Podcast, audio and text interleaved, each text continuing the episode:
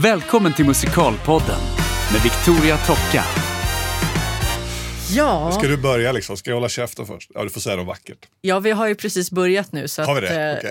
eh, mina kära damer och herrar, det här är alltså Carl Johan Ankarblom.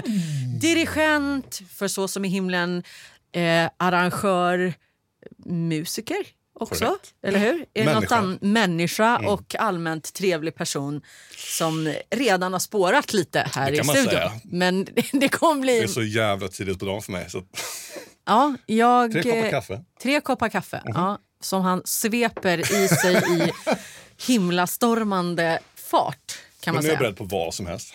Ja, extremt Vad som helst. Oj, oj, oj.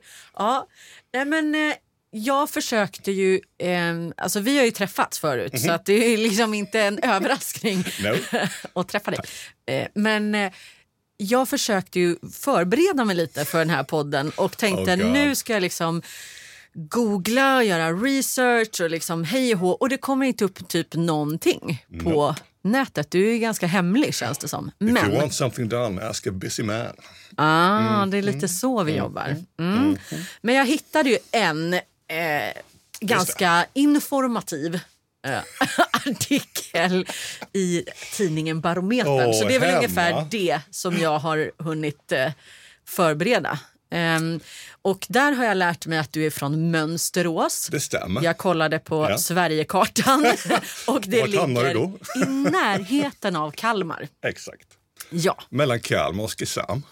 Ja, eh, och du väljer lite vilken dialekt du vill jobba med här eller? Det stämmer. Ja. ja, men du har ju bott i Stockholm ganska länge. 20 år. Ja, Jesus. mm, det är ganska länge. Mm. Så att du har lagt till det med någon typ av rikssvensk dialekt De också. säger det. Ja. Mm. Byter du när du kommer hem? Eh, det gör jag säkert. Men inte så mycket Inte så som att jag tror på själv. Nej. Nej, men jag vet inte. Var så, mm, våra föräldrar är ju inte från Mönsterås. Nej. De är från Gamleby i norra Småland. Så det är liksom...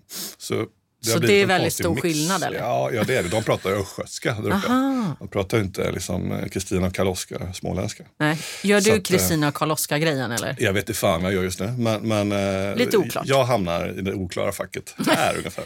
Så här låter det nästan alltid. Härligt! Hope it's okay. Ja. Mm. Eh, och eh, om man liksom tittar på den här lilla artikeln och börjar någonstans Mm. ifrån början.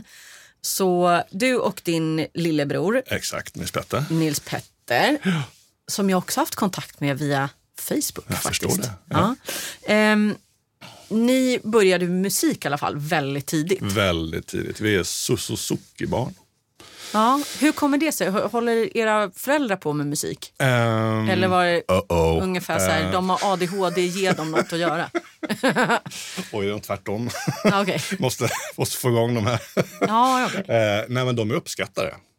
ja, ja. Och det räcker så Att de jävla långt. de är är absolut ju inga, de är inga musiker Men det var inte därför ni började? Nej, Nej. jag tror det var bara, de var nog ganska liksom, ambitiösa föräldrar tror jag. Ja. Så att, till exempel så eh, köpte de ett stort jävla piano eh, när jag var ja, en bebis. Och det var ingen av dem som spelade. Nej, De tyckte bara att... de eh, bara vi hoppas på en Mozart. nog- liksom. Vi ho- hoppas på en Mozart. Eh, och ställde det där och eh, hoppades. Eh, jag vet Ja. morsan, jag tror det ingick i hennes lärarutbildning och ta några ackord sådär. Ah, Jag minns att okej. hon satt och pysslade med. Men, men, ett stort brak eh, piano som de inte visste om någon skulle klinka på ever. Nej. Men så blev det. Ja. det är Oh skönt för God. dem att de inte skaffade ett trumset det första Eh, de det gjorde. kan man säga. Det dök upp en trumma senare. Åh, Eh, det, härligt. det är det enda jag har studerat på musikskolan. Trummor. Typ obo eller en sån här Åh, säckpipa typ. Ja, vad är det värsta egentligen för Jag föräldrar? Det är nog trummor. Alltså. Jag tror trummor. Ja, alltså, om det var en rödvinskväll innan så är nog trummor inte så jättepopulärt för. Föräldrar. Vi kan ställa en fråga till lyssnarna. Ja, precis. Vad är, värsta bag... vad är värsta bakisinstrumentet för föräldrar? Nej, det måste vara trummor och bo är också hemskt. Men, sånt. ja, exakt. Sånt Och apropå hemskt, jag började spela fiol. Ah. Jag ville börja spela trumpet. Men det, Men det fanns inga fiol. trumpeter i Mönsterås. Jo, det blev gör det. Hej på. Martin. Men, eh, nej, men våra föräldrar på med folkdans. Ah. Eh, vilket eh, jag nu i vuxen ålder är evigt tacksam för. Um, och där i det fågelslaget fanns det en fantastisk... Det är ju sådär, det krävs de här nyckelpersonerna som är så Ja. viktiga. Så där fanns, eh, där det fanns många bra spelmän, men framförallt då eh, en helt otrolig eh, superkvinna som hette Helene Ingvarsdotter. Okej. Så fantastisk spelman, så att säga, Ja. inom citationstecken. Eh, och liksom är ung då, 25 år, som med otrolig energi och den här Ja. makalösa förmågan som vi alla behöver i den åldern, att bli sedd på, Ja. på ett bra sätt. Liksom.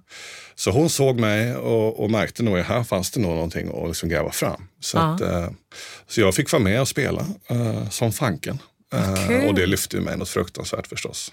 Ja. Eh, och hennes förhållningssätt och att det, det, man lirar skitbra men det ska vara lika kul och, och socialt. Och liksom. eh, så det där bar ju upp mig något fruktansvärt. Eh, Ja. Men jag började alltså med Suzuki-metoden som, som bygger på att man lär sig spela ett instrument precis som man lär sig prata. Okej. Alltså på gehör först. Ja. Och så där minns vi byggde små fioler med såna makaronlådor och, och träbjälkar och liksom bara lärde oss att hantera instrumentet för, innan det ens var ett riktigt instrument. Ja. Eh, Jag har aldrig tagit det, tappat en violin. Eh, Förmodligen Nej. på grund av det. Det bara börjar med den här gymnastiken. Eh, Så där börjar man med liksom jord- jordgubbar med grädde, alltså jordgubbar och så vidare. Eh, Och sen då så ska, och det var ju där jag gick fel höll. Man börjar på gehör länge, men sen ska noterna komma in. eh, Liksom. Ja. Men då hade jag upptäckt folkmusiken. Ah. Så då lämnade jag den pedagogikskutan så bara av den. Det var inget statement så, utan det bara blev så. Folkmusiken tog över. Ehm, och då lärde jag mig till noter. Nej. Vilket är en jätteironi i och med att jag lever nu sedan 20 år tillbaka på att producera noter som en idiot. Ja. Eh, så att jag säger fortfarande att jag kan inte läsa noter riktigt. Nej. För att jag lärde mig det lite sent. Ja, jag förstår. Jag lärde mig noter när jag skulle lära mig att skriva arrangemang och komponera och sådär.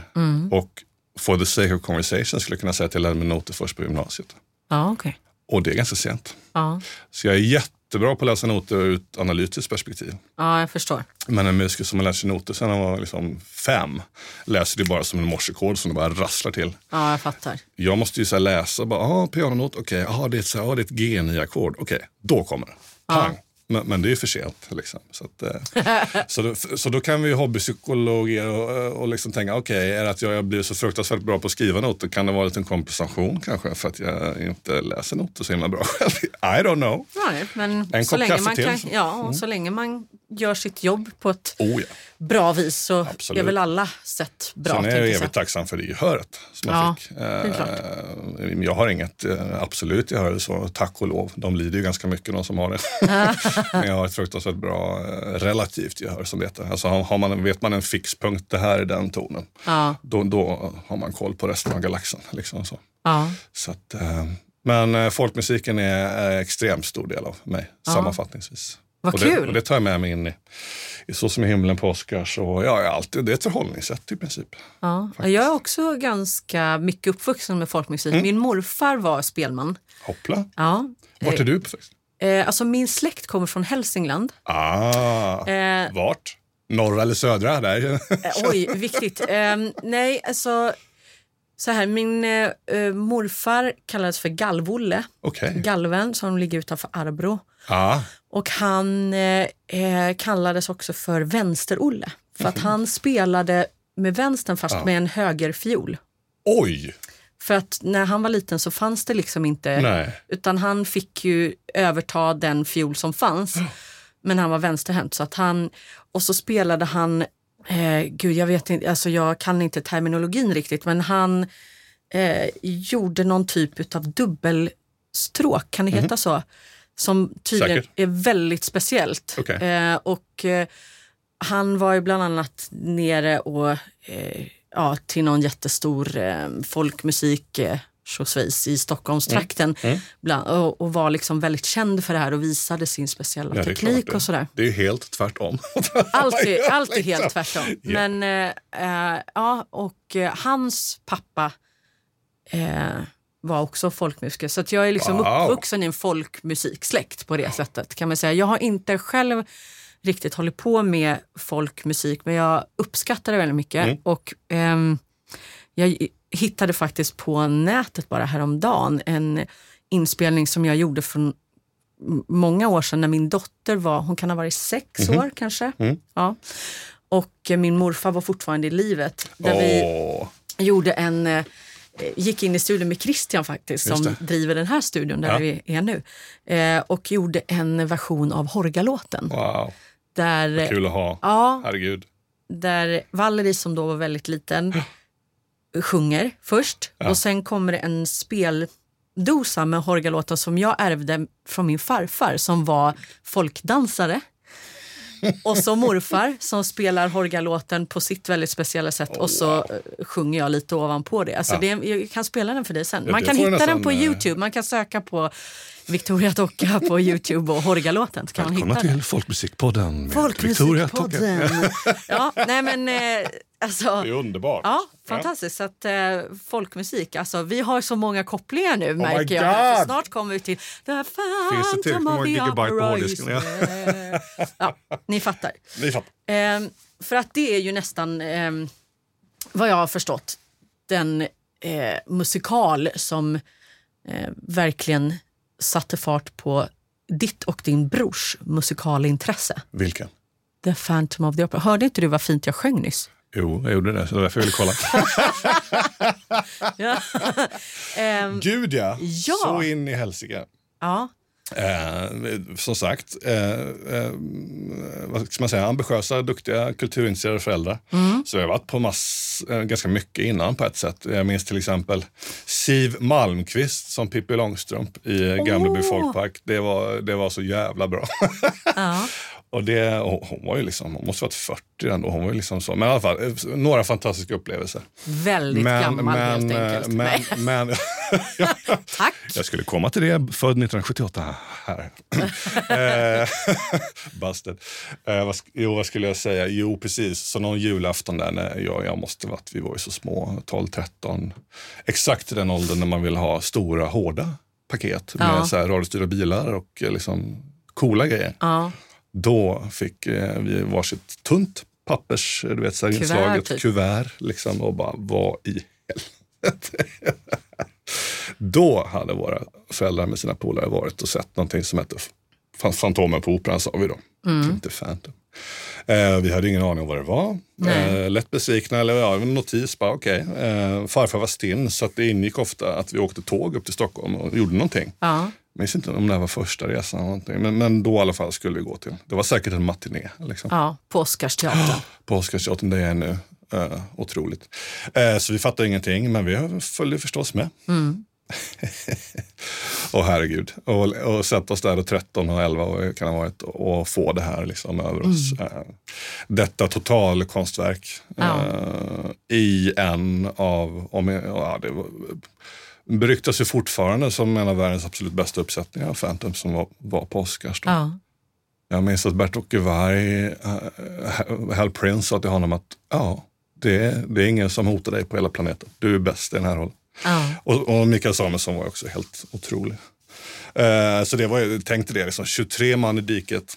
Ja. Per Engström slog, Per Engström. Han var ju min eh, han dirigent stod där i sex år. också. Ja, just det. Han har fortsatt för det. sen. Ja, han har dirigerat Fantomen. Hans respekt. dotter heter Kristin. Åh Så. gud, nu kommer det! Ja, ja. The details. Eh, nej men herregud, vi var helt sålda. Och sen en, en kudos till farsan, eh, skivsamlaren. Ja. Eh, så när vi kom hem så fanns den här musiken tillgänglig. Eh, så det var ju bara att, att liksom gräva sig vidare. Och det som är bra med Phantom då kan jag säga, eh, det är ju att det var en sån otrolig gate opener till all annan musik. Vi är ju uppväxta på, håll i er här nu, Vikingarna, Lundell, eh, all progg, alltså Björn Björn Afzelius, Mikael Wiehe, folkmusik. Eh, en och annan lite re, religiös band, inte för att vi är någon religiös familj. Men, men det är väldigt sådär eh, rudimentär på ett sätt bakgrund och musikaliskt. Ja. Men när vi kommer hem så visar det sig att eh, okej, farsan han har allt Ja. i sina LP-box. Eh, de här, eh, de här lä- läskbackarna då var det ju, ja, eh, med LP-skivor. Och, och, eh, och har man sett Phantom då så okej, det är samma kompositör som har gjort Jesus Christ Superstar. Aha. Den fanns också där bland LP när vi började bläddra. Oj, wow. Okej, och i den är samma sångare som i det här hårdrocksbandet Deep Purple. Wow. Och där fanns alla de plattorna. Oj. Och sen i slutet där på, på, på Jessica Superstar så är det klassisk musik som påminner om Bach. Aha, oj, då fanns de plattorna där. Ja. Så det var ju liksom, och, och Tchaikovsky och liksom allt. Det ska han verkligen ha, ha kudos för. Så där fanns ju allting. Ja. Så du kan ju fatta att vi började gräva i det där Ja, och upptäcka all, all, all typ av musik verkligen. ja, Från en väldigt sådär, folklig bakgrund då, så liksom öppnar en hel puff horisont. Sådär. ja. Men, men för oss och för mig så tror jag det var ju det här att, eh, och det har, har ju hänt mig ibland, nästan någon gång varje vecka borta på Oscars nu, att, liksom, att det står någon liten unge där i 12-13 års åldern och tittar ner i diket och bara ja. Liksom. Och där stod ju vi då. Eh, jag blir nä- nästan tårig, jag bara pratar om det nu. Men det var ju så magiskt. Och vi, och vi som musikmänniskor mest. Då, men, ja, men och mest en teaterhoppa, ja det kan jag prata om senare. Eh, men, men det var ju det här orkestern. ja. Och det var ju så stor orkester. De satt ju till och med i boxarna på sidan. för det ja var så många. precis. Um, och hur, uh, ja, dels det, bara att, men sen också så här, okej. I might offend somebody, men okej, det är orkestern som berättar berättelsen. Ja. Coolt. Wow. Så hela den, uh, hjälp alltså. Men, um, så musiken specifikt, orkester specifikt, men framförallt med, med Phantom så är det väl att det det här otroliga allkonstverket. Där alla bitar har klickat ihop. Ja. Eh, Och att det är så sällan det händer. Men när det händer så blir det liksom så här, Ja. superstarkt. Då. Och att det händer i lilla Sverige väldigt tidigt egentligen efter premiären i London. Jag tror Ja. det är tre år senare bara, 89. och ja, det kom 86. ganska snabbt där. Och att den de gick första. så Ja, länge det också. Det, Det förstår ju inte folk när man pratar. Att det gick sex fem- år ja. tror jag. Sex år. i- Och jag menar i, Och bara i Sverige, så bara, Stockholm. what? Ja. Men och ju för- Fantomen den har ju gått över 30 år Ja, i, i eh, London, London och, New York eh, nu New. York. Så att, eh, det är ju verkligen en sån föreställning som hänger i fortfarande. Och Oh. jag, det är lite intressant för jag spelade över 200 föreställningar som Kristin Mm. Ja. i Köpenhamn på danska. Och eh, jag kan fortfarande gå och se Fantomen och får Ja. ståpäls av eh, ouvertyren ja. varje gång. Och jag minns det vilken ynnest att få spela en sån föreställning där man, jag menar, man är ju inte alltid på topp varje dag, man är Nej. trött och hej och hå. Man- Vi spelade ganska mycket föreställningar i veckan. Man kan komma till jobbet och bara, "Ah", så vet man det här Ja, det. maratonloppet man har framför sig. Det är mycket och speciellt om man Speciellt ska som spela. Kristin. Ja, Krist- Inte som Fantomen. inte som Fantomen för han sitter mest och fikar. Eh, Men Kristin har ju faktiskt hästjobbet Yes. i den här föreställningen. Och är man inte på scenen så springer man och byter om och springer under scenen Ja. och upp för trappor och ner för trappor och hej och byter om. Alltså det är ett fyspass att spela Kristin. Eh, och man kunde komma liksom och vara så här, "Ah, okej. Men så fort ouvertyren går igång, du vet jag har ståpäls på armarna nu Ja, ja. så var det så här, som en jäkla tävlingshäst och bara, Mm. nu kör vi. Alltså, sån fruktansvärd pepp på den där. eh, ja, alltså, jag går igång på det fortfarande, varenda gång. Och det är något med det här the showmanship i allting som är så, Mm. som är så befriande på något sätt. Eh, jag läste någonstans i en liner note, ja det var ju för 30-årsjubileet här, att liksom, jag tror det var vår vän kompositören där som, ja, jag kunde fått en regissör som hade citat intellectualized the whole thing Ja. instead of directing it. Eh, och då hade det ju inte funnits här. Det, det är ju något med det här att det är så Ja, hoppas ni förstår mig här nu, men det, det är något med det här, liksom, the showmanship återigen. Att, att bara tillåta sig att liksom säga, ja men vi, vi har en takkrona. och den ska fan upp i taket under ouvertyren. Liksom. Det ska vara kyrkorgel, det ska vara Ja, shit, liksom. alltså den är ju svulstig så in i bomben. Men att tillåta sig Ja. att göra det och göra det bäst i världen, då, Ja. då får ju de chillsen. Ja. att, att göra det så genomfört. Men jag kommer ihåg liksom. första gången, alltså jag hade ju tror jag världshistoriens kortaste repperiod för Phantom. Mm. Ah, Tio dagar. Tio dagar hade jag på mig att sätta Kristin på danska. Mm. Och på danska också. Mm. Exakt. Som är ett talfel. Nej, förlåt. Nej, men... Nej, alltså Vi älskar stryk Danmark. stackars Maria. Maria Lucia var ju här och pratade Mhm. eh, jättefin svenska för några veckor sedan. Så vi ska inte driva prata med danska? Danmark. Ja, Ja, så nej, snackar vi bara fortsätt. dansk. Nej, Jag ska inte försöka. nej, men Ehm, och, så att jag fick ju komma upp väldigt snabbt på scen. Och, alltså, det var ju bråttom liksom. Ja, In ja. med mig i den där rollen. Och eh, jag minns redan första dagen fick jag åka båten första gången. Åh, wow. Jag kunde liksom inte, jag, tappade det. Liksom. Ja, För att ja. jag hade drömt om Ja, att spela den där rollen hela, alltså sen jag var 12. Liksom. Visst. Och så få sitta på den sidan och, liksom i båten och så Peter Jorde som var min fantom. Även om han bara hade mantel och typ såg ut som en Disneyprins som han gör i verkligheten. Men du vet, och bara komma in och ljusen kommer upp i golvet. Jag bara... Det var så jävla overkligt. Oh, yeah. Ja, det är det. Är det. För att det är ju liksom... Mm. Nej, men det går faktiskt inte att beskriva. Jag vet inte om det... Det finns, det finns ju vissa såna musikaler i...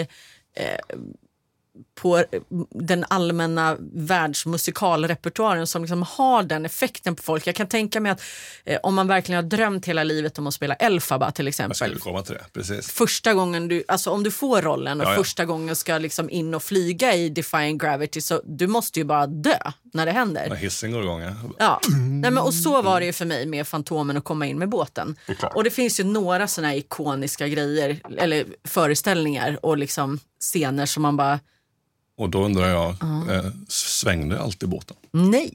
Nej. Ibland, Berätta om när den inte svängde. ibland fastnar båten.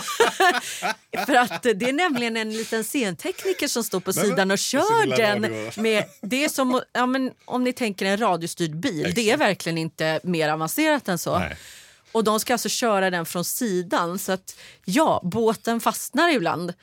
Eh, och det som händer då är att man... Då får man börja spela teater.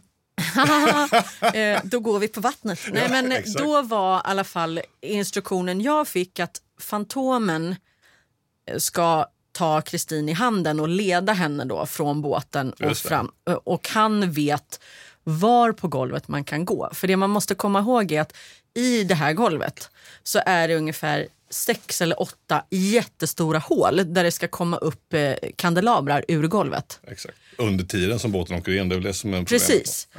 Samtidigt som hela golvet är fullt med rök så du ser inte hålen. Fanken. Så att om Yeah. båten stannar, du vet typ så här grab on to Phantom och hoppas på det bästa. Yes. Och nej men det har ju hänt så mycket i den där föreställningen. Alltså Föreställa mig alltså. herregud, jag, jag är ju till och med typ känd på på nätet. För i Think of Me så ska ju då Kristin byta från den här lilla eh, trådkjolen gud. till den Okej. stora kjolen. Och det är fyra stycken kollegor som ska lösa detta i, på åtta takter. Mm. Och i en föreställning så får de helt enkelt inte på den stora kjolen. Vilket innebär, och istället för att stå kvar och du vet bara så här, och så får jag sjunga tills de är klara. Ja. Så tar de kjolen och går sin väg. Vilket innebär att Vilka lojala kollegor har. Ja. innebär att eh, på den föreställningen så ljuset går upp och så ska man liksom La, la, la, la. Så kommer alltså Kristin i gröna sammetstrosor. och, Och Per Engström! Ja. som står och dirigerar, han kan inte titta på mig för han skrattar så mycket. Alltså tårarna rinner. Han bara tittar ner liksom på, och bara fortsätter slå och bara herregud, vad är det som händer? Och jag minns att jag var helt kallsvettig över hela Förstås. kroppen och bara Åh. ah, the show must go on och bara låtsas att det inte händer, bara skit i det. Efteråt så sa de som körde ljusföljet Mm. på mig, de hade liksom försökt minska den så mycket som möjligt för att bara fokusera typ på mitt ansikte. det. Mm. Liksom.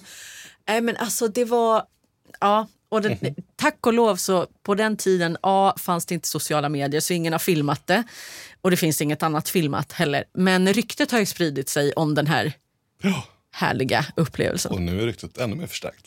Exakt. Ja. Nej, men jag bjuder på det. Ja, alltså, bra. jag hade snygga ben på den tiden. så att, Those eh, were those were memories. Jag vill passa på att hylla Per. Engström faktiskt. Ehm, Ja, verkligen. Ja, apropå att det inte fanns med internet. Eh, När jag flyttade hit eh, så skickade jag ett vykort. till honom. Nej, nej. Inget Något, något brev eller sånt där. brev. Jag bara hej hej och så för- förklarar jag alltid vi pratar Mm. om här. Uh, ah, jag ska flytta till Stockholm och eh, du har gjort uh, Fantomen uh, tusentals Hundratusen gånger. Exakt, minst. Ehm, och det är ju rimligt så att du har ett partitur någonstans. Jag skulle ju typ dö om jag fick se det. Eh, och, jag tror, och så fick jag, ett, alltså det här, tror man inte det är sant nu för tiden, men jag fick ett vykort tillbaka. Åh, Ehm, som liksom, ja tack för ditt brev. Ja, för oss i orkestern så eh, var det helt avgörande att orkestreringen var så pass bra för att vi skulle orka spela den där så många gånger. Men det var liksom en fröjd varje gång. Och, ehm, det är så här att min fru jobbar på den här klädaffären i stan och ehm, jag lägger ett partitur där. Du får hämta det när du vill. wow. Eh, eller låna det var det. Herregud. Så det var ju en av mina första Din dagar. då våta dröm liksom. Så in i helsike. Ja. Och jag glömmer ju aldrig att titta ner i diket då. När vi var och tittade på den flera gånger. Så Ja. liksom, vad fan det är handskrivet allting. Vi, vi trodde det skulle vara så här tryckt bok. liksom så här. Eh, nej, allt var handskrivet. Or- Orkesterns stämmare och partituret framförallt var handskrivet. Liksom, så att, Wow, eh, det går inte att förstå idag heller när vi sitter med datorer och allt går så fruktansvärt fort. Och det, det gick ju fruktansvärt fort även då, men bara rent fysiskt, alltså rent muskelmätt, få ner allt det här. Uh, Wagner skrev också sina fyra timmars operor för hand. ja, det är helt otroligt. Eh, men i alla fall så få se då min idol David Cullen som han heter som har orkestrerat det där. Det står Andy Lloyd Webbers cred också som, som orchestrations men det vet alla vi som håller på att that's horseshit. Oj, Ehm, han har, har skapat det här Eh, och, och bara få se hans uh, autograf som heter alltså hans handstil. Och, och hur, hur liksom, ja, det är magiskt att se ändå. Liksom, det, det låter så intrikat och fantastiskt men det, liksom- på sätt ser det väldigt enkelt ut på sidan. Liksom. Ehm, en renhet sådär som är fantastisk. Eh, nej, nej, men i alla fall, bara magiskt och, och man får en närvaroupplevelse av, av den här Ja. handskriften. Och den, så. Det var ju kopierat förstås, men ändå. Liksom. Det kan man ju tänka på när allt går så fort idag och med alla datorer, att de satt ju då för hand 1986 och skrev allt. ehm, ja, otroligt, så tack Per eh, för Ja, att jag fick verkligen. se det. Eh, och det är väl preskriberat nu, men jag kopierar förstås. så att, eh, jag, har, jag har det fortfarande hemma. Nu finns det på nätet för alla att se. Men, men, eh, ja, men sånt där är så viktigt. ja. Men, eh, Det är så storsint. Okay, men jag märkte att ja, men här har vi nog en liten nörd som faktiskt skulle En liten- betyda En liten nörd. så här, 19 år gammal och jag var 20. Ja. Eh, och, och släppa till det. Och liksom, eh, jag har Ja, mejlat, väldigt eh, fint jag har mejlat eh, David Cullen också sen på senare år och bara eh, tack för inspirationen. Fick du svar? Ja, jag tänkte så här, han, han är ju några ålder, stigen man nu för tiden, 70-75. eh, Men, men jag tänkte så här, jag skickar. Det kan ju vara kul om man ser att han har inspirerat till Ja. ett helt liv. Liksom. han, har gjort, han har orkestrerat allting som Annie Webber har gjort i princip. Eh, och så jag höll på att skita på mig. Så morgonen därpå, jag sov ju alltid till lunch, så, att liksom, så hade han svarat. Och ett jättefint svar förstås. Det är också här jag bär med mig. All- Alla såna idoler man har kontaktat liksom, eh, varit så jäkla storsinta. Ja. Eh, och svarat fint och bra, välformulerat. Och liksom, och, eh, det ska vi alla bära med oss. Alltså, det är så jäkla viktigt att svara med det myntet alltså, på alla som är på väg upp. Ja, Och som verkligen. söker inspiration. För det, det är väl det finaste vi kan föra vidare. Liksom att, eh, att de som verkligen är bra på någonting är eh, nästan alltid de som är trevligast också. Mm. Och mest generösa. Och, eh, och speciellt i det här skrået, det är ju ett hantverkarskrå. De är, det är liksom blåställsarbetare men makalösa konstnärer också. Ja. Den, den, den kopplingen tycker jag bara. Så att sånt där är så viktigt. Så tack för det. Ja, Mm. helt fantastisk historia ju. Och det jag tycker är, är extra fint som jag gärna vill haka på och koppla fast mig vid, det är just det här att våga fråga också. Gud ja, För att eh, jag brukar säga att om du inte frågar är svaret alltid nej. absolut. Ehm, för att för mig så har det, jag har ju aldrig nästan varit rädd för att, att ställa frågan. Sen får man ganska mycket nej, men man får också många fler ja än man tror. Oh, ja. Eh, och det eh, tycker jag är viktigt, alltså både att göra själv, att ställa frågan, men också nu när man själv då är lite mer senior i sitt yrke, att när någon hör av sig och sträcker ut en hand eller ställer en fråga, ta sig tiden och svara eh, och eh, i den bästa möjliga mån i alla fall liksom bereda väg och hjälpa till. För att det är ju Alltså pay it forward. Alltså det Ja, men ju, verkligen. Och eller ska man vara krass, och det ligger ju en väldig boost för en själv i det också. Det Ja. är ju jättefint. Alltså, och det- och det finns ju ingen det finns ju inga ego, utan det är en, en fin boost på riktigt. Det är win-win. Mm. ja, kanon, verkligen. alltså. Men det är ju också eh, lättare kanske att, att ta med sig så när man har fått den hjälpen själv. Eller Gud, liksom var, ja, men att det, det var så fint av Per då till exempel. För Oh, att det, ja. det ger så otroligt mycket. Jag, som jag tror att han i det läget kanske inte ens förstår Nej, hur nej, mycket precis. det betydde för dig i det läget. Liksom. Nej, och det är på ett sätt, på ett sätt enkel grej för honom, men, men, betyder ju så makalöst mycket då i andra änden. Så liksom Ja, ja, in, insats payoff är ju så här, liksom, enorm. Men jag är av den, här anledningen då, så är jag ju supernoga med alla, alla yngre som tittar ner i diket och på Oscars nu. Mm. Eh, det är det viktigaste giget jag har. Att sitta och spela den här Så som i himlen föreställningen då. För de är ju lite för unga för den berättelsen på ett sätt, men det är otroligt att de är där. Och Ja. står där längst fram och liksom kanske är sådär tio eller någonting. Och, liksom bara, och jag ser ju hur det bara glittrar i ögonen på dem. Så här. Och, jag, och lite samma insikt som jag och brorsan fick då. Att liksom, fan, här sitter det en massa folk. Liksom. Ja, Och det är massa olika instrument. Och det är en liten guldgruva visuellt. Sådär. ja Alltså, såklart. Hornen som glittrar, metallflöjter och det där, strå, vackra Hur stråkinstrumenten. stor är orkestern i Så som det himlen? är 12 stycken Ja. mm, som med dagens mått är en stor orkester. Ja. Hälften så stor som på Fantomen. Men, Ja. men eh, verkligen, det är I kul. broarna i Madison County var de tio. Ja, precis. Så det är, alltså, Verkligen. Så när det är, man får unna sig så är det ju fantastiskt. Gud, ja, det gör ju så mycket. Så det är, en, det är en fin satsning av eh, Vicka och Johan på Oscars. Ja, eh, som vi är verkligen. tacksamma för. Det, jag är part i målet då, men, men ork orkestern tillför ju så makalöst mycket just till musikteaterberättandet. Så. Är, Ja. eh, Verkligen. Och en guldgruva för en annan då som orkestrerar och sådär. Att liksom, Ja. eh, hur, Men om vi ska backa bandet där Backa. lite grann. Du eh, kom ju till Stockholm Mm. då. Eh, gick Musikhögskolan, stämmer det? ja, nästgårds härifrån. Ja. Där du spelar trummor tydligen. Nej, för fasen. Men vad var Då- det om trummorna då som du Ja, började? trummorna, det, var, det var farfar som var, han var Ja. militärromantiker och musikälskare. Satt och grät i Jussi Björling i källaren och rökte pipa. Ja. Åh. Och målade tavlor hellre än bra. Mm. Men eh, han var en otrolig inspiration. Han är liksom konstnärsådran i vår släkt kan man säga. Ja, okej. Eh, så, så, att, eh, så även om han var lite egen och kul, lite kuf så påverkade han mig och brorsan väldigt mycket. Eh, och framförallt mig. Jag var, med, jag var ju stora, storebrorsan och var där Ja. hos farmor och farfar mycket. Mm. Vi har ju sån pinsam eh, Bullerby-uppväxt. Sådär att mormor och morfar och farmor och farfar bodde grannar med varandra. ja. Hallå, vad är det liksom? Barnvakt tänker jag Nej, spontant. exakt. liksom. Tips Hurra! till alla att Ja men verkligen. Så vi sprang däremellan. Men då blev det så att jag sov oftast där borta. Eh, så att, eh, nej, men han var operaälskare och, och militärmusikälskare. Så, så vi stod ju där och bankade trummor. Han Ja. byggde till och med egna trummor. Det var ju extremt Ja. eh, kreativt. Så. så där kom trumgrejen. så då spelade jag lite trummor när jag var liksom, i, i, Mm. i, i tidiga tonår. Jag kan vara tio, alltså, mellan 10 och, och 14. Ja. Men fiolen är ju det som ligger mig närmast. Men sen så i och med... I och Var med det så du kom in på Musikhögskolan? På fiol? Eller? Nej, inte alls. Utan eh, eh, då efter den här Fantomen-upplevelsen och åren som kom där, så blev det ju att skapa musik. Ah, ja, Som ja. en grej. Så då, eh, de är, jag vet inte om det är intressant, men, men återigen, vi, vi fick ett mål. För mål är viktigt eh, generellt. eh, Att, vi, gick till, vi hade en jättefin musikaffär där vi kom ifrån i Mönsterås. Och där fanns en magisk synt som vi blev helt kära i, jag och brorsan. Så den sk- skaffade vi som mål att vi skulle spela ihop. Eh, Pengar för att kunna pengar. köpa då? Så att musik för mig är bara pengar. Oj, oj, oj.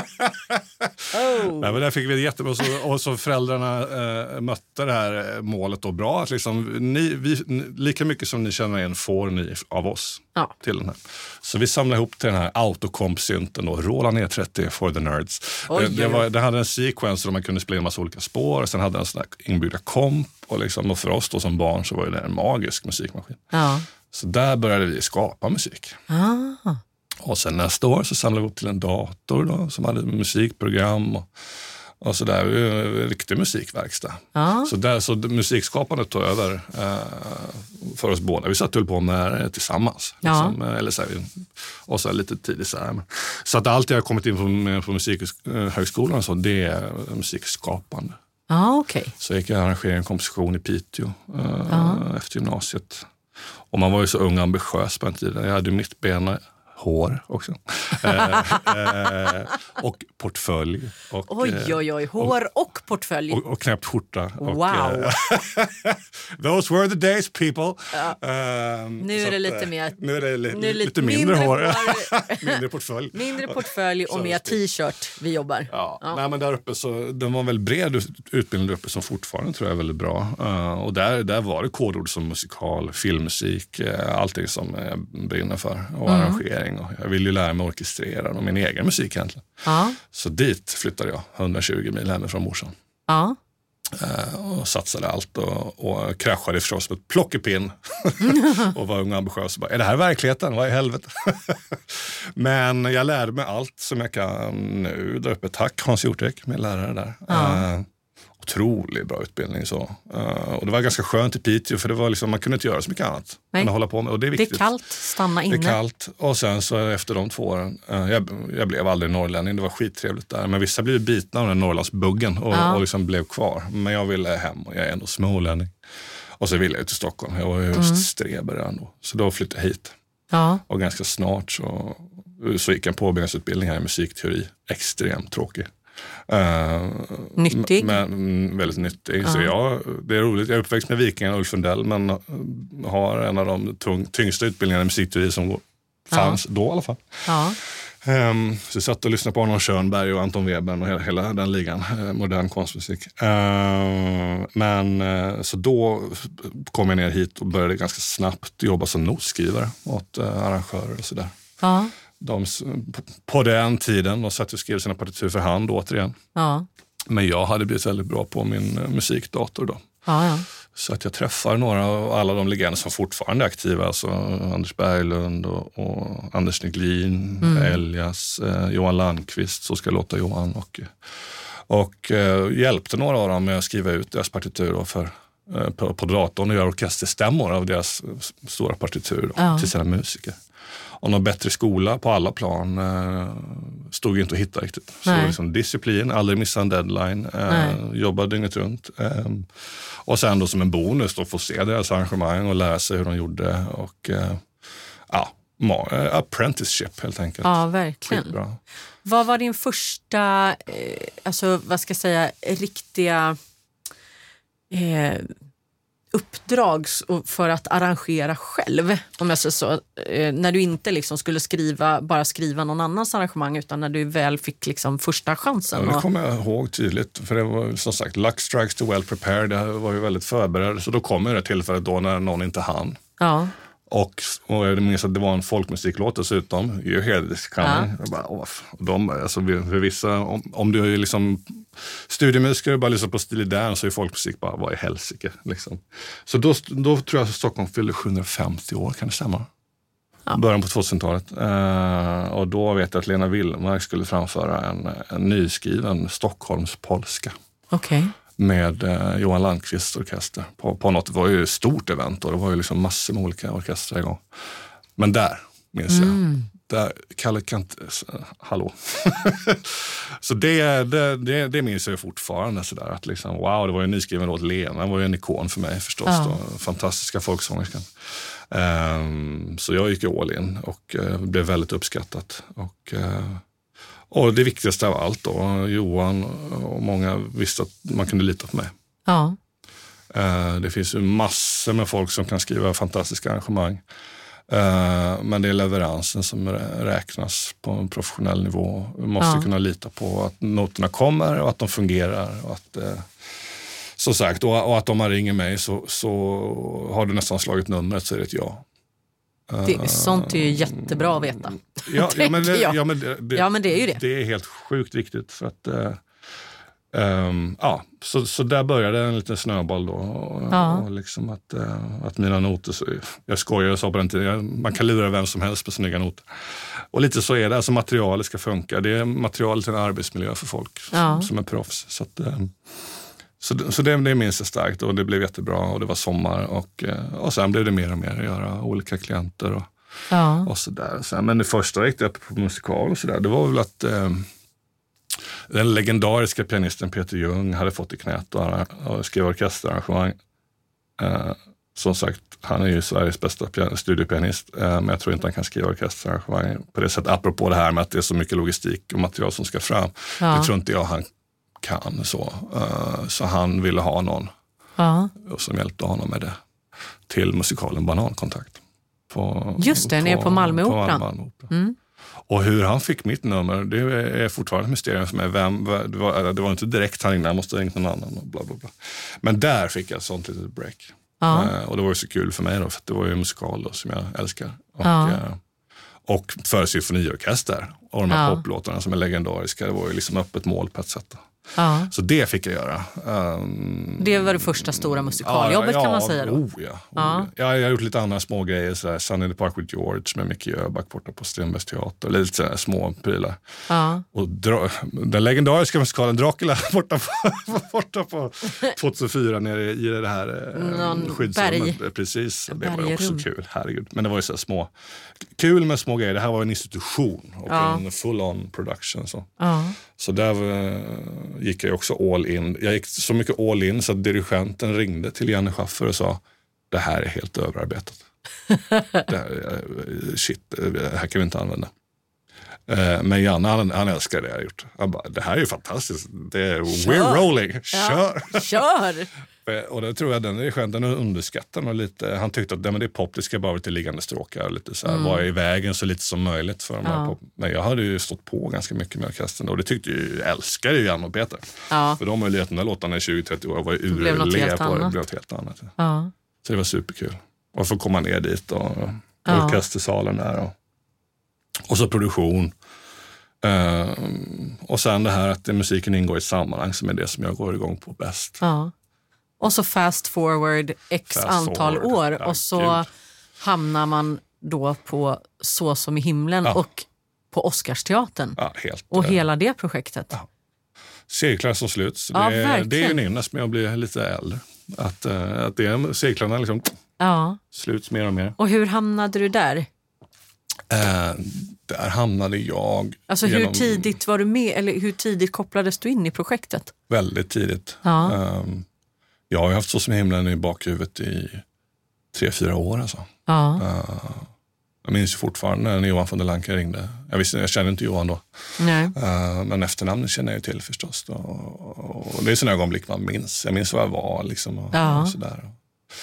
Tyvärr inte någon romantiskt alls. Jag var väl hemma i kalsongerna någon lunch. Men, men, men, men, eh, tack för det Johan. Eh, Alltså det var du själv som avslöjade det nu. ja, ja. Hashtag skyll det- dig själv. Min dygnsrytm är ett stående samtalsämne på Oscarsteatern. Men, Ja, jag men, förstår. men det var ju fantastiskt. Ehm, så, eh, för Fredrik, Fredrik har jag liksom, vi har småjobbat tillsammans genom många, många Fredrik år. Kempe pratar vi om det. Tack. Eh, jag, minns back in the day, han skulle sjunga sin, eh, jag tror det, första schlagerdänga. Fi, finally. Du, du, du, du. Med en blåsorkester på Söder. Och jag tror de kände mig, jag tror de sammanförde oss tror jag. Jag är osäker. Men. Så den har jag förbundskastat och Fredrik var nöjd. Eh, och på den vägen är det. liksom. Eh, Sen har vi, tycker vi väl om samma saker. Jag älskar ju det här alltså, kommersiella men väldigt eh, kvalitativt kommersiella. Liksom, så. Det gör ju Fredrik också. Vi eh, kompletterar varandra väldigt bra. Ja. Så att, eh, och sen då förstås, Så som i himlen, det finns ju en folklig aspekt, lite folkmusik. Så jag låg väl väldigt nära till hans säkert då, konceptmässigt. Så, att, så så hamnade jag där, tror jag. Det här har vi faktiskt inte, vi har inte tagit någon middag på det och liksom snackat hela... Jaha, ja. Så att, men som sagt, många, många år sedan. Så att jag har varit med från första stund. ja. Hur kändes det att gå till premiär då? På något man har jobbat med så länge. Eh, Det vet och... jag inte, jag tog en betablockerare. På riktigt? Oh ja. Och jag övade med betablockerarna på, på repen innan. Bara för liksom... Ja, för sent inte. Jag, jag har inget emot kemi, men jag vill ju kolla att det inte händer någonting konstigt. Nej, det, precis. det, det gör det Det händer ingenting. Det är bara att pulsen inte går upp. Så att, eh, det var fantastiskt att gå till premiär. Eh, samtidigt som jag är så inne i en liksom brinnande process att man har inget perspektiv ehm, alls. Eh, det var ju jobb dygnet runt för mig. Ehm, jag tog ju på mig två jobb, en idiot. Men, men i efterhand kommer det vara kul. ja, det här att både vara musikalisk ledare och, re, Ja. och repetitör. Och jag var ju musikmaskinen alles på, på den. Ja.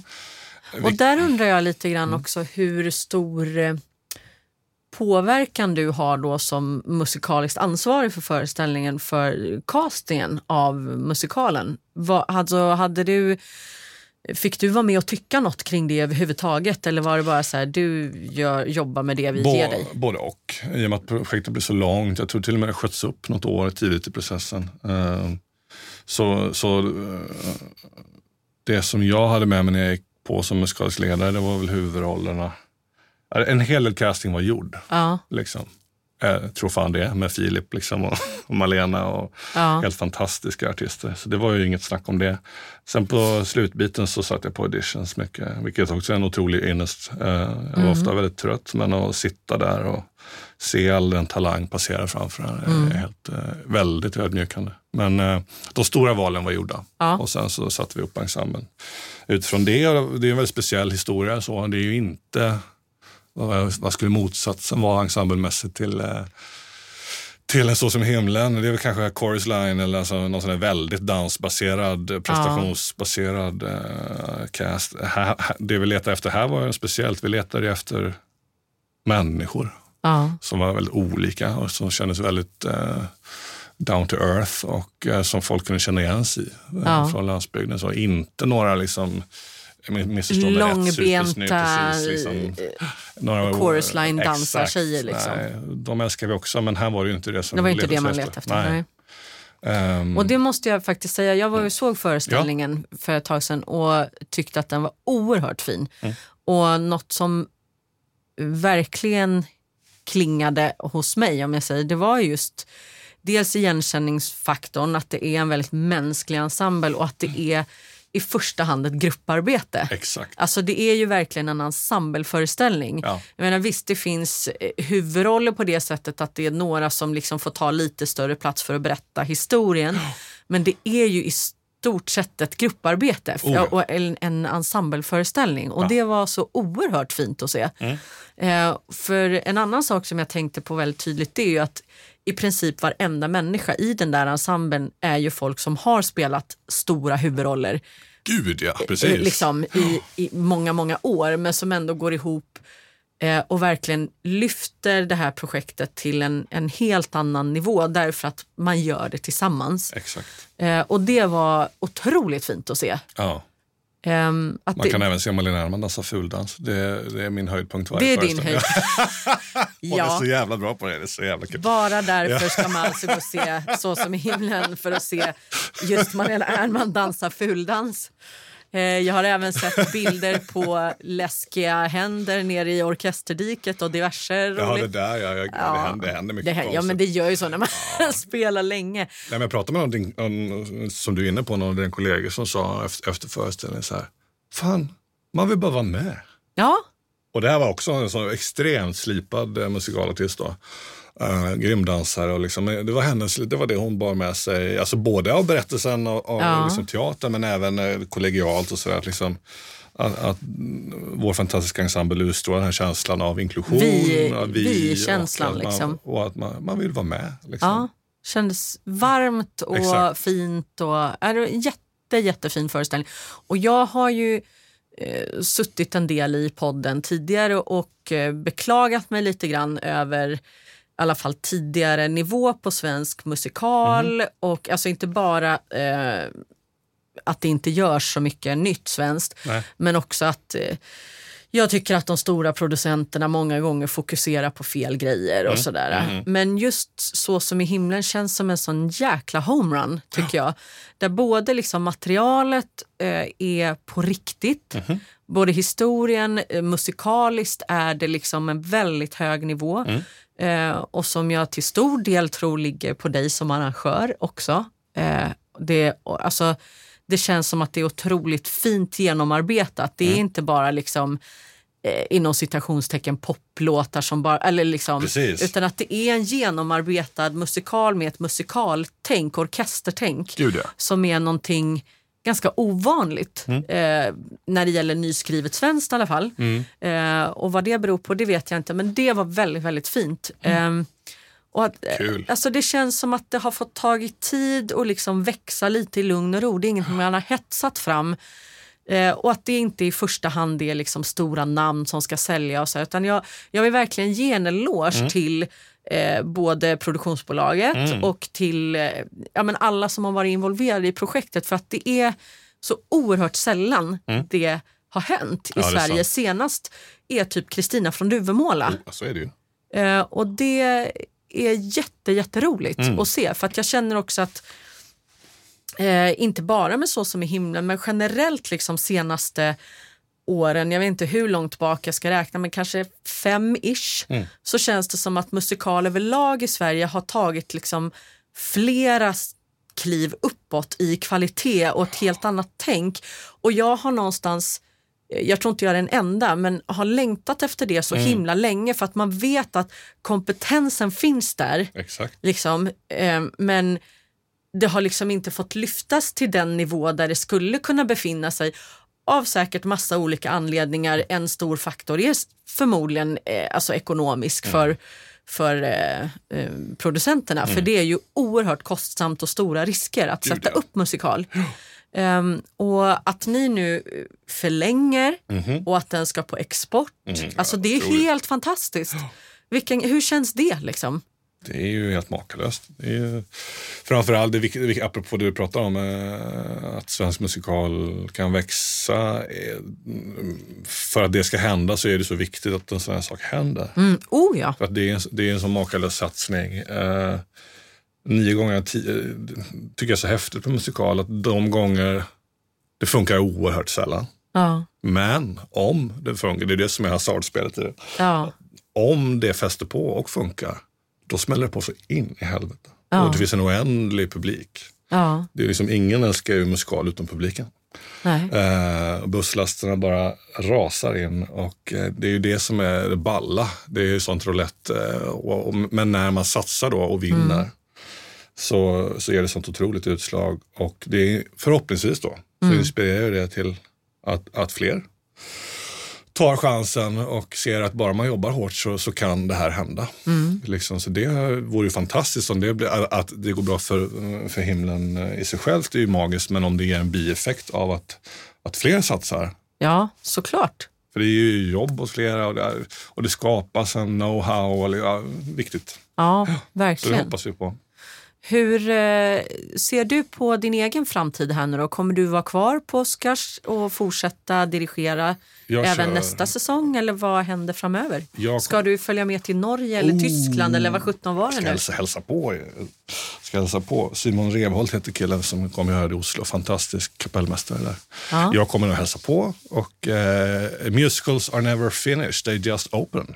Ja. Eh, och så känner jag ju verkligen eh, med den här på ett sätt. Och det är klart att den är klar, men samtidigt så är man ju konstnär och ser ju konstant möjligheter att putsa och vidareutveckla och sådär. Så, så det kanske dyker upp. ehm, liksom, för det är ju väldigt vanligt med musikal att de utvecklas för varje nyuppsättning. Lite sådär. Det händer ju alla, eh, de flesta. Så det vore kul. Jag går av på Oscars den 12 maj. Då har jag gjort det ett år, fruktansvärt med, och hållit på med det då i fyra år. Så att, Ja, eh, dags att gå vidare jag, kanske. för att jag ska kunna njuta av den resan så behöver jag koppla loss Ja. eh, och få ett perspektiv. Eh, för det har varit väldigt slitsamt, otroligt kul, men slitsamt förstås. De skriver ju inte sig själva. Liksom. Nej. Eh, sådär. Så, att, så jag längtar efter att få koppla loss och få perspektiv. Och om du och jag sitter här om några år igen så kommer jag knappt fatta att jag har varit med om den här resan. Nej, förmodligen. Eh, nu, är man, nu är jag så fortfarande, jag inte kopplat loss, så är man alltså fortfarande kvar i liksom den här leveranskorridoren. Precis, liksom, så, att, eh, så jag ser verkligen fram att unna mig själv att få perspektivet och bara shit, gjorde vi det där? Ja. Liksom.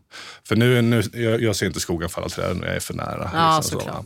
Jag kan ju tänka med huvudet, att, liksom, men, men tänk, det, det längtar jag till, att få det perspektivet. Ja. Och, och att jag stod där på Oscars och, och jag vågade aldrig titta på premiärpubliken kommer jag ihåg. För är bara, om jag ser vilka som sitter ute då kommer jag ju bara dö. Alltså det är liksom, men, men, Tur men, att stå med ryggen mot. Exakt, ja.